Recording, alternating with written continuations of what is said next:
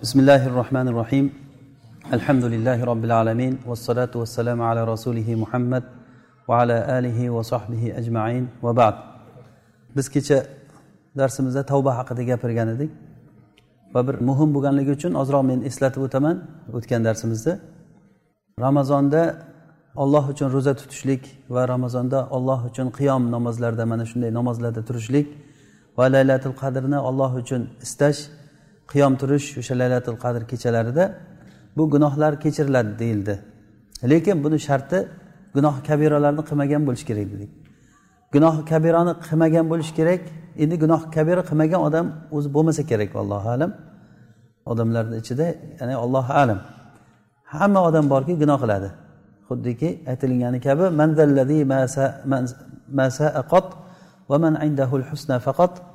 hech yomonlik qilmagan kim bor?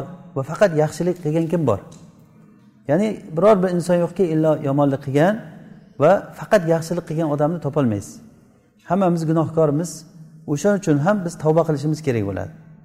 Agar tavba qilinsa shunda bir hadis aytdikki hadis agar sanadida zaiflik bo'lsa ham lekin ba'zi hadis ulamolari masalan alboniy rahimaulloh bu hadisda hasan degan attaibu zambi kaman la zambalahu gunohidan tavba qilgan odamni gunohi yo'qdek bo'ladi. Demak biz gunohlarimizdan tavba qilishimiz kerak. Va bu ayni shu hadisni ma'nosini bundan ham ziyodaroq ma'noni ifoda qilgan oyatda aytdik. Kim iymon keltirib amal qilsa solih amal qilsa va tavba qilsa ularni alloh taolo yomonliklarni yaxshilikka o'ziga nima almashtirib qo'yadi degandik. Ibn abbos roziyallohu anhu shu oyatni tafsirida haqiqatdan ham almashtirib qo'yganligi to'g'risida bir hadislarni aytgandik. Ya'ni biz uchun eng muhim narsa tavba qilish ekan. Mana shu kechalarda gunohimiz kechirilishligi uchun mana alhamdulillah olloh uchun ro'za tutilyapti. Hammani niyati olloh uchun boshqa narsa emas bu. Va olloh uchun mana qiyom namozlariga kelindi mana. Namozlar tarovihlar o'qilinyapti. Olloh uchun turilibdi. Inshaalloh laylatul qadrdan umidimiz bor olloh yetkazsa inshaalloh. Lekin buni sharti tavba qilishimiz kerak. Alloh taologa tavbatan nasuha ya'ni qaytmaydigan tavba qilishimiz kerak. Tavbatan nasuhni tarifida ya'ni umar ibn xattob ubay ibn kab ibn masud u kishilarni tarifi mug'oz ibn jabal bu sahobiylarni tarifi bo'yicha tavbatan nasuh nima degan edik ya'ni sog'ilingan sut tuyani yeliniga qaytib kiradigan bo'lsa o'shanda qaytadigan degan bo'lmasa qaytmaydi degan. Ya'ni sog'ilingan sut tuyani yeliniga qachon qaytadi? U hech qachon qaytmaydi. Ya'ni shunchalik darajada qat'iy tavba qilishligimiz kerak bo'ladi. Bu bir eslatma. Bu oy ya'ni nafs bilan kurashish oyi. Nafs bilan kurashish oyi. Abu hurayra roziyallohu anhu rivoyat qilgan hadisda buxoriy rahimaulloh bu hadisni chiqargan. Rasululloh sollallohu alayhi vasallam aytdilarki agar ramazon oyi keladigan bo'lsa jannat eshiklari ochiladi. Bir rivoyatda osmon eshiklari ochiladi deganlar. Va do'zax eshiklari yopiladi. Va shaytonlarni yomon ya'ni eng yomon yomon shaytonlar zanjirband qilinadi. Deb aytganlar. Va imom qurtubiy rahimaulloh mana shu hadisni sharhida aytgan ekanlarki hozir rasululloh sollallohu alayhi vasallam aytyaptilarki ramazon kelsa shaytonlar bog'lanadi. Nega odamlar ma'siyatdan to'xtamaydi? Ko'chaga chiqsangiz ramazonligi ham hozirgi paytda ayniqsa shahar markazlarida yurilinsa hatto musulmon diyori deyilgan joylarda ham ramazonligi hech odamni esiga kelmaydi. Ya'ni bilmay qolasiz ramazonligini ham odamlarni yurishini ko'rib. Shaytonlar baylangan bo'lsa odamlar nega ma'siyatda yuribdi? Bu hadisni qanday tushunamiz? Shaytonlar bog'lanadi deganligini buni ulamolar ikki xil so'zni aytishgan ekan. Ba'zilar aytgan ekanki shaytonlarni eng yomonlari katta katta shaytonlar bog'lanadi lekin kichik shaytonlar jinlar vasvasa qilishlikda doim bo'ladi deganlar. Va hozirgi bo'layotgan mana shu ma'siyatlarga shaytonlar o'sha yana xizmat qilayotgan shaytonlar bor. Va boshqa ulamolar aytishgan ekanki yo'q shaytonlarni hammasi bog'lanadi lekin odamni nafsi qoladi. Insonni tabiati qoladi. Yomonlikka o'rgangan nafs ramazondan oldin qanday bo'lsa ramazon paytida ham shunday ramazon chiqqan paytda ramazondagidan ham ko'ra yomonroq bo'lib ramazondan chiqib ketishi ham mumkin. Demak bu oyda bizni ikkita dushmanimiz bor. Bittasi shaytonlar ularni eng kattalari bog'langan zanjirband qilingan. Hozir shaytonlar bog'langan katta katta shaytonlar. Lekin ma'siyatlar davom etyapti. Sababi asosiy sababi bizni nafsimiz o'zimizdagi yomonlik. Biz uchun mana shu oy shu jihod oyi bo'lishi kerak. Ya'ni nafsimiz bilan kurashish oyi bo'lishlik kerak. Muaz ibn jabal rivoyat qilgan hadis imom termiziy rahimaulloh muaz ibn jabaldan rivoyat qilib aytadilarki rasululloh sollallohu alayhi vasallamdan abu bakr roziyallohu anhu so'radilar. Ey rasululloh menga bir duoni o'rgating men ertalab bo'lganda ham kech bo'lganda ham to'shagimga joyimda yotganda ham shuni o'qiy o'qiydigan bir duoni o'rgating deganda rasululloh sollallohu alayhi vasallam bir duoni o'rgatdilar aytginki g'oybi va shahada qul allohimma alimal g'oybi va shahada فاطر السماوات والأرض رب كل شيء ومليكه أشهد أنت لا, لا أشهد أنك لا إله إلا أنت أعوذ بك من شر نفسي وأعوذ بك من شر الشيطان وشركه وفي رواية من شر الشيطان وشركه ey ollohim g'oybu shahodatni biladigan zot osmonlar va yerni yaratgan zot har bir narsani podshosi egasi bo'lgan zot sendan boshqa iloh yo'q deb men guvohlik beraman meni nafsimni yomonligidan panoh bergin deb so'ragin deganlar. Mana shu joyi bizga kerak joyi. Hozir hadisdan men nafsimni yomonligidan panoh tilayman deb ollohdan so'rashligimiz kerak.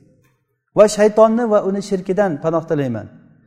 Va ba'zi rivoyatda shaytonni va uni to'rlaridan sharokihi shaytonni hiyla nayranglaridan panoh tilayman. O'zimga bir yomonlik qilishlikdan sendan panoh tilayman yoki boshqa bir musulmon kishiga yomonlik qilishlikdan panoh tilayman deb aytgin deb o'rgatdilar. Demak bizga hozir mana shu ramazon oyida mujahada oyi ya'ni bu oy kurashish oyi nafsimizni kurashib shu yomonliklardan tiyib olishligimiz kerak. Biz o'tgan darslarimizda o'tgan va'zlarimizda aytdikki ro'zadan maqsad o'zi nima? Taqvo hosil bo'lishligi. Agar taqvo hosil bo'lmasa bu ro'zani go'yoki biz tutmagandek bo'lamiz. Olloh asrasin bizni oldimizda yana ro'zalar bormi yo'qmi olloh biladi. Shu uchun fursatni g'animat bilib bu kunlarda kurashib qolishligimiz kerakki bilmabman attang o'tib ketib qolibdi degan narsa bo'lmasligi uchun. Eng yomon narsa insonni mana shu hali qilaman hali qilaman degan ya'ni endi qilaman endi qilaman deb turib vaqtni o'tkazishligi. O'zi nafs bilan kurashish degani nima degani? Bugun o'zi asosan shu narsani men tushuntirmoqchiman. Nafs bilan kurashish degani bu imom buxoriy rahimaulloh o'zlarini sahihida kitabur riqoq kitobida babu man jahada fi toatillah degan bob ajratgan. Ya'ni ollohni toatida qattiq kurashib mahkam turgan kishi degan. Shunda bir hadis keltirgan. Hadis anas ibn molik muaz ibn jabaldan rivoyat qilgan. Ya'ni sahobiy sahobiydan rivoyat qilgan. Anas ibn molik muaz ibn jabaldan muaz ibn jabal roziyallohu anhu aytadilar men bir kuni rasululloh sollallohu alayhi vasallam bilan bir ulovga mingashib kelayotgan edim. Rasulullohni odatlari ya'ni orqalariga ba'zi bir kishilarni mindirib yurganlar. Davlat rahbari ya'ni musulmonlarni eng kattasi qilib yurgan ishini qarang. Shunchalik rasululloh kamtar bo'lganlarki o'zlari bilan birga bitta ulovda ikki kishilab minib yurganlar. Birga ketayotgan edik ey muoz dedilar. Shunda labbay ey rasululloh deganimda indamadilarda yana yurdilar. Ozroq o'tgandan keyin ey muoz dedilar. Labbay ey rasululloh nima deysiz deganimda yana indamadilar. Yana ozroq yurganimizdan keyin ey muoz ibn jabal dedilar. Labbay ey rasululloh nima deysiz desam aytdilarki bilasanmi olloh taoloni bandalar ustidagi haqqi nima? Ollohni bandalar ustidagi haqqi nima? Muoz aytdilar aytdiki men bilmayman ey rasululloh olloh va rasuli biluvchiroq. Shunda rasululloh aytdilarki ollohni bandalar ustidagi haqqi bandalar ollohga ibodat qilishliklari va hech bir narsani ollohga shirk keltirmasliklari. Bu ollohni bandalar ustidagi haqqi. Keyin yana ozroq yurgandan keyin aytdilarki ey muaz bandalarni olloh ustidagi haqqini bilasanmi? Agar bandalar shu ishni qilsalar allohga toat qilsalar olloh bandalarga nima qilib berish kerak? Shuni bilasanmi? dedilar. Muoz aytdiki olloh va rasuli biladi men bilmayman dedi. Shunda rasululloh aytdilarki kimki mana shunday qiladigan bo'lsa ya'ni ollohga ibodat qilib hech bir narsani ollohga shirk keltirmaydigan bo'lsa alloh taolo uni bandalarni jannatga kirgizishligi ularni azoblamasligi dedilar. Mana shu bobni keltirganlar ya'ni bu hadisda o'ylab ko'ring nafsni jihod qilishligiga dalil qilib keltiryapti bu hadisni bu hadisni munosabati bu bobga yuqorida aytilingan ollohni toatida o'zini nafsini nafsi bilan kurashgan kishini bobi deb turib shu hadisni keltirgan. Hofiz ibn hajar xuddi shu hadisni sharhida aytgan ekanlarki bu hadisdan munosabati ollohni toatidan boshqa narsada qalbni iroda qilishligidan qaytarishlik bu qalb bilan kurashish ya'ni nafs bilan kurashish degani degan ya'ni nafs bilan kurashish degani ollohni toatidan boshqa narsada nafsni xayol qilishligini ketkazish umuman boshqa narsani iroda qilishligidan qaytarish degani. Insonni nafsi ollohni toatidan boshqa narsaga ketaveradi. Qachon ollohni toatiga qaytarish kerak bo'lsa o'shanda mujohada kerak o'shanda unga kurashish kerak bo'ladi. Bu inson tabiatida ma'lum hammamiz bilamiz buni. Qaysi yosh bolaga o'yinga majbur qilishlikni aytasiz masalan? O'ynagin sen o'ynashing kerak bugun o'ynashing kerak o'ynagin deb kim aytadi yosh bolaga? Shunday qo'yib qo'ying o'zidan o'zi o'yin chiqarib oladi. O'yin bo'lmasa ham o'yin chiqarib oladi. Agar qo'yib bersangiz o'sha o'yinni ustida uxlab qoladi bola. Kattalar ham xuddi shuni o'zi faqat yoshlar o'ziga yarasha ahli yetgan narsa bilan o'ynasa yoshi kattalar hali qarasangiz u yoqda dam olishda yuribdi hali qarasangiz bu yoqda yuribdi hali qarasangiz bu yoqda bir betayin narsani qilib yuradi odam. Bir foyda keltirayotgan narsa qilmaydi odam. Faqatgina shu tez tez o'qib olgan namozini hisob qilmasangiz yigirma to'rt soat vaqtini agar hisoblab qaralinsa boshqa narsalarda vaqt o'tib ketib qoladi. Ollohni toatida emas. Ollohni toatiga majburlashlik bu nafsni bilan kurashishlik bo'ladi. Mana shu joyda buxoriy rahimaullohni fiqhiga qoyil qolasiz. Qanday qilib turib bu hadisni nafs bilan kurashishga dalil qilib keltiryaptilar? Ya'ni alloh taologa ibodat qilishligimiz kerak ekan bizni vazifamiz bizni ustimizdagi ollohni haqqi faqat ollohga ibodat qilishligimiz va allohga hech bir narsani sherik keltirmasligimiz ekan. Demak nafsni ollohni toatida tinimsiz nima kurashib turish kerak bo'ladi. Va imom abul fathil hushayriy rahimaulloh aytgan ekanlarki bu nafs bilan kurashish degani nafs bilan kurashish degani nafsni o'rganib qolgan narsalardan qaytarishlik nafsni o'rganib qolgan narsalardan odatlanib qolgan narsalardan qaytarishlik va yana nafsni havoyi nafsiga to'g'ri kelayotgan narsadan boshqasiga majburlash degani. Bu juda ham qiyin narsa. Nafsni o'rganib odatlanib qolgan narsasi odam odatlanib qoladi.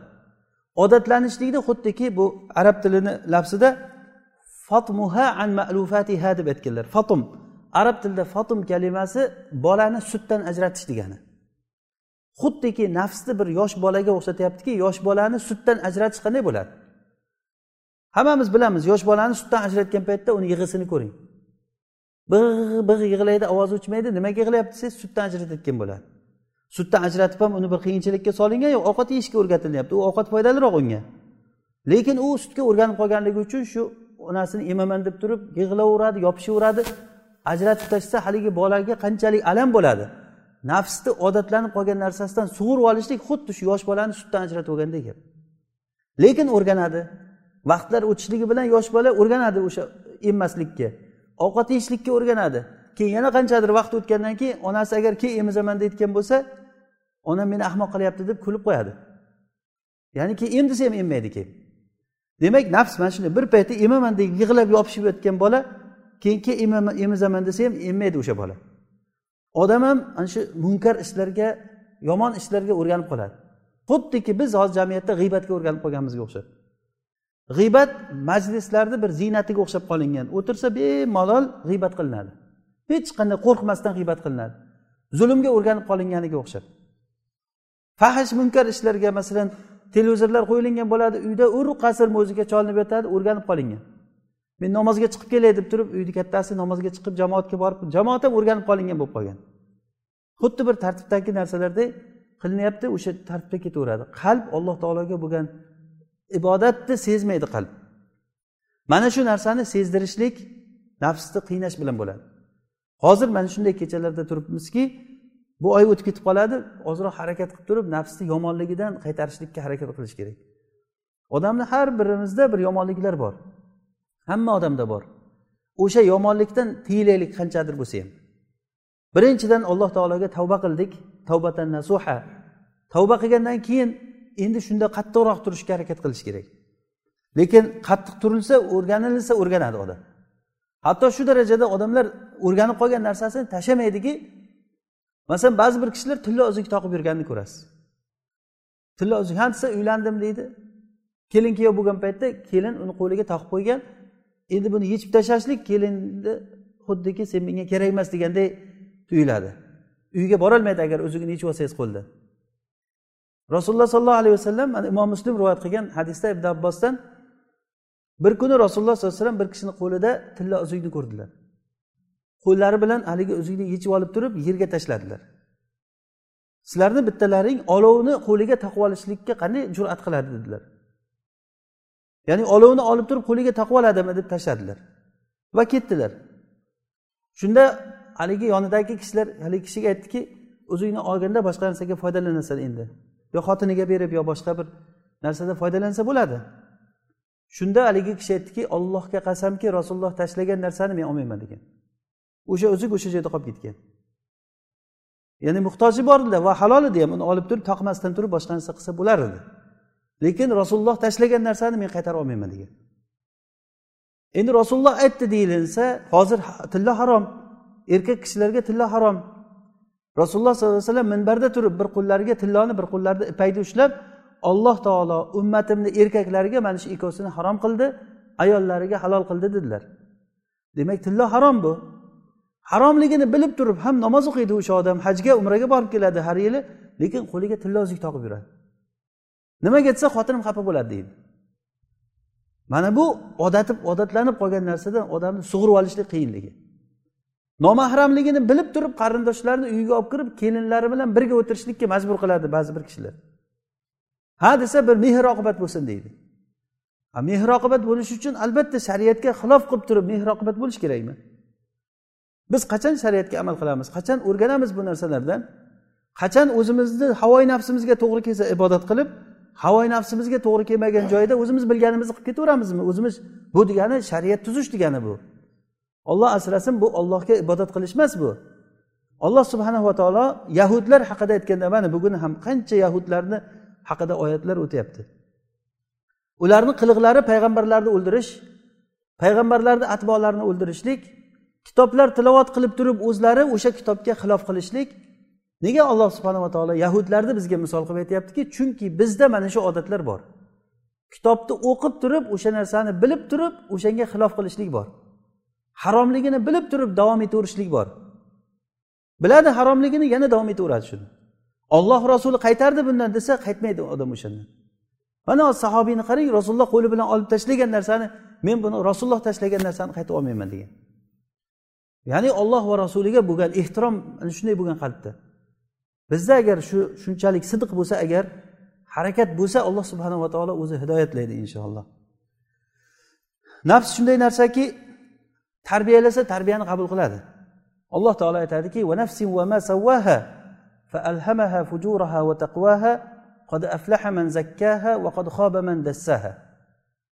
bu oyatni mazmunida alloh subhanava taolo nafsni alloh taolo yaratib insonga yaxshilik va yomonligini ko'rsatib qo'ydi. Kimki shu nafsini poklasa uni tarbiyalasa o'sha odam najot topadi. Demak biz najot topishligimiz uchun eng katta ishimiz o'zimizni ichimizdagi nafsni tarbiyalash kerak. Ya'ni buni yo'li bor. Tarbiyalasangiz tarbiyalanadi inshaalloh. To'xtalmayman deydi. Sigaret chekishdan to'xtalmaydi odamlar. Shunchalik o'rganib qolgan dassaha. Dassaha nima? Dassaha ya'ni nafsini dassaha degani o'zi ko'mib yuborish degani ya'ni cho'ktirib yuborish degani. Havoyi nafsni ichlariga havo shahvatlarga cho'ktirib yuborish degani shahvatlar ichiga tiqib yuborgan nafsini tiqib yuborgan kishi bu vaqot xoba ya'ni bu odam yutqizdi degani xoba degani ya'ni qo'lidagi shunday narsani o'tkazib yuborib qo'ydi degani bitta umrda yashaydi bu ham oltmish yil yashagan bu ham oltmish yil yashagan lekin bu jannatil aloga ketgan bunisi bo'lsa eng do'zaxni to'piga ketgan. Nima sababdan? O'sha nafsini o'zi shahvatlariga ergashib ketganligi uchun. Shunchalik darajada nafsimizga berilib ketib qoldik. Sal bo'lsa ham uyqudan uyg'onishligimiz kerak. Kechasi uxlab yotgan odam uyqudan uyg'onib ketgan paytda rasululloh sollallohu alayhi vasallam aytdilarki kim agar kechasi uyqudan uyg'onib ketsa uni bir tasbehini aytdilar. Ashhadu an la ilaha illa ant deb la havla va la quvvata illa billahi azim. Allohumma g'firli al hadis ya'ni uzun hadis. Subhanalloh valhamdulillah va la ilaha illalloh vallohu akbar va la havla va la quvvata illa billahi aliyil azim. Shu duoni o'qisa gunohimni kechir deb allohga duo qilsa duosi ijobat bo'ladi deganlar ba'zi odamlar bor kechasi uyg'onib ketgan paytda bir sigaret chekib oladi o'shanda. Chiqib balkonga chiqib sigaret chekib turadidan keyin tashlab yana kelib joyiga kelib uxlaydi. Na ollohni zikr qilish bor na torat qilish bor na ikki rakat namoz o'qish bor namoz o'qish vaqti ekan deb g'ofil g'oflatda o'tib ketyapmiz. Ya'ni mana bu narsa hammamizda bor bo'lgan narsa. Alloh subhanava taolo isloh qilsin hammamizni. Alloh taolo nafsimizni poklaydigan kishilardan qilsin. Rasululloh sollallohu alayhi vasallam e, buxoriy rivoyat qilgan hadisda abu said al hudriyni hadisidan rasululloh aytdilarki man yastafif yuiffahulloh va man yastag'ni yug'nihillah kim agar o'zini iffatli bo'lishlikka harakat qilsa alloh taolo yordam beradi uni iffatli odam qiladi. Kim agar boy bo'lishga harakat qilsa nafsini boyitishga harakat qilsa alloh taolo uni nafsini boy qiladi. Boylik bu nafsdagi narsa. kimki agar sabrli bo'lishlikka harakat qilsa alloh taolo unga sabr beradi